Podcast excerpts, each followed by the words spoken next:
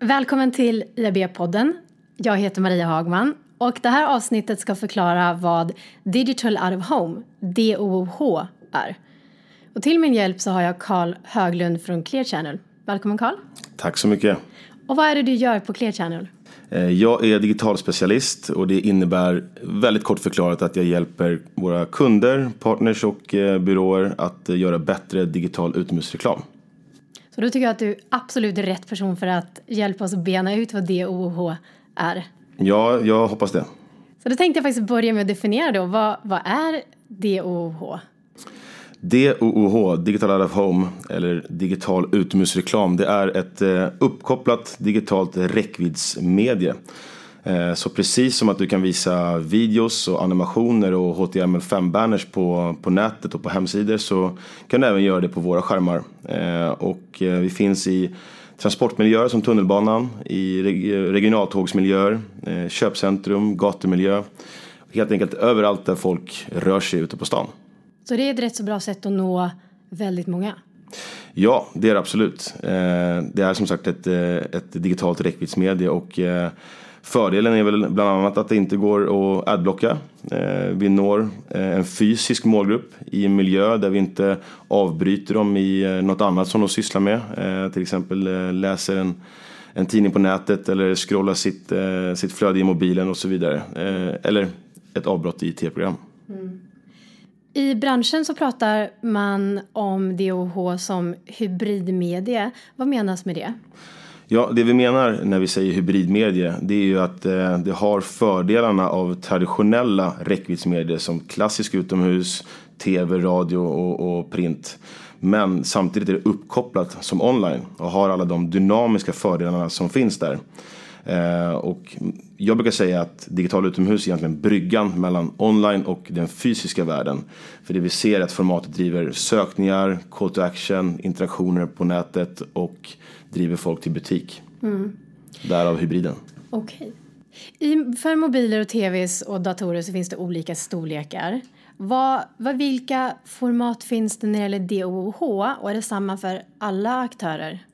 De flesta aktörerna jobbar ju med ganska standardiserade format. Eh, det är 16.9 i landskap, stora skärmar, eller så är det porträtt i 9.16 då.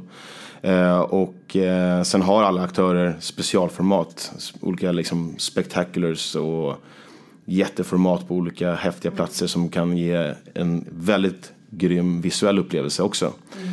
Så att ja, det är väl egentligen de vanligaste formaten. Så det verkar vara ett bra sätt att nå ut till väldigt många. Um, men varför ska man som annonsör välja att använda DOH som del av sin annonskampanj? Eh, först och främst eh, så når det ju väldigt många oberoende av varandra. Eh, och sen i vår digitala annonsmiljö så finns det ju en väldigt hög flexibilitet. Det är möjlig, möjligt idag att vara väldigt flexibel i sitt urval kring vart, när och med till exempel vilken share of voice man vill synas. Eh, och det gäller ju även med annonsbudskapen som man vill förmedla. Det vill säga du kan jobba med olika budskap på olika platser och vid olika tider. Vara lokalanpassad och på så sätt öka relevansen. Mm. Och få en högre effekt av din kampanj helt enkelt. Och vad är share of voice? Det är ett begrepp du nämnde. Ja, share of voice det är egentligen hur mycket av eh, alla annonsslottar som just din annons upptar. Mm. Enkelt förklarat. Okay. Hur mycket syns du av den tiden som skärmen är på? Ja, eh, och sen har vi också dynamiska kampanjer som är någonting som vi ser att fler och fler börjar utnyttja och som jag tycker är en väldigt viktig del av formatets styrkor. Och det innebär egentligen att kunderna kan använda till exempel väder som en källa till vilket annonsbudskap som ska visas. Eller att de visar en nedräkning i realtid tills någonting ska hända. Nyhetsflöden och information i realtid. Eller innehåll som hämtas från en e-handlares hemsida med kampanjvaror. Det vill säga man använder datakällor för att hela tiden uppdatera annonsmaterialet med det senaste, viktigaste och mest relevanta för de som ser det. Och när man förklarar det så så förstår ju de flesta att då får man också bäst effekt. Mm. Så om det är varmt och soligt så får jag kanske se en reklam för milkshake och om det spöregnar så, så blir det annons från burgare istället från den annonsören. Det skulle absolut vara möjligt att göra. Ja, vill man veta mer om dynamiska kampanjer så hittar man ju såklart mycket på nätet. Och en eh, sida som jag har kollat mycket på det är liveposter.com dynamic difference. Där man hittar jättemycket bra data kring effekten av dynamiska kampanjer. Så finns det programmatiskt DOH? Ja, alltså programmatic är en ganska het fråga och något som intresserar alla oss aktörer inom digital utomhus. Eh, och först av allt så behöver vi egentligen skilja på programmatic för online och programmatic för utomhus. Mm. Programmatic skapades, ganska enkelt förklarat, för att lösa onlines problem med så gott som ändlöst lager av annonsplatser och möjlighet att styra mot vad man kallar för målgrupper. Eh, så det är skapat för ett ett, ett till en medie eh, medan utomhus är ju ett, ett till många medier. Eh, så det är egentligen som har kommit högst upp på vår agenda det är ju just flexibiliteten i hur man kan liksom styra sina annonser och så vidare. Så att det är skillnad på medieköpet som är programmatic för online och medieleveransen som är mer programmatic i en utomhusvärld.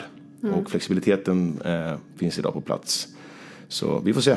Så vad har köparen då för möjlighet att styra hur deras annonser syns? Hur kan de välja när och hur? Idag finns det ganska stora möjligheter som sagt nu när vi har flexibiliteten på plats. Eh, och det är väl egentligen det vi kallar för programmatic för utomhus eh, i fas 1.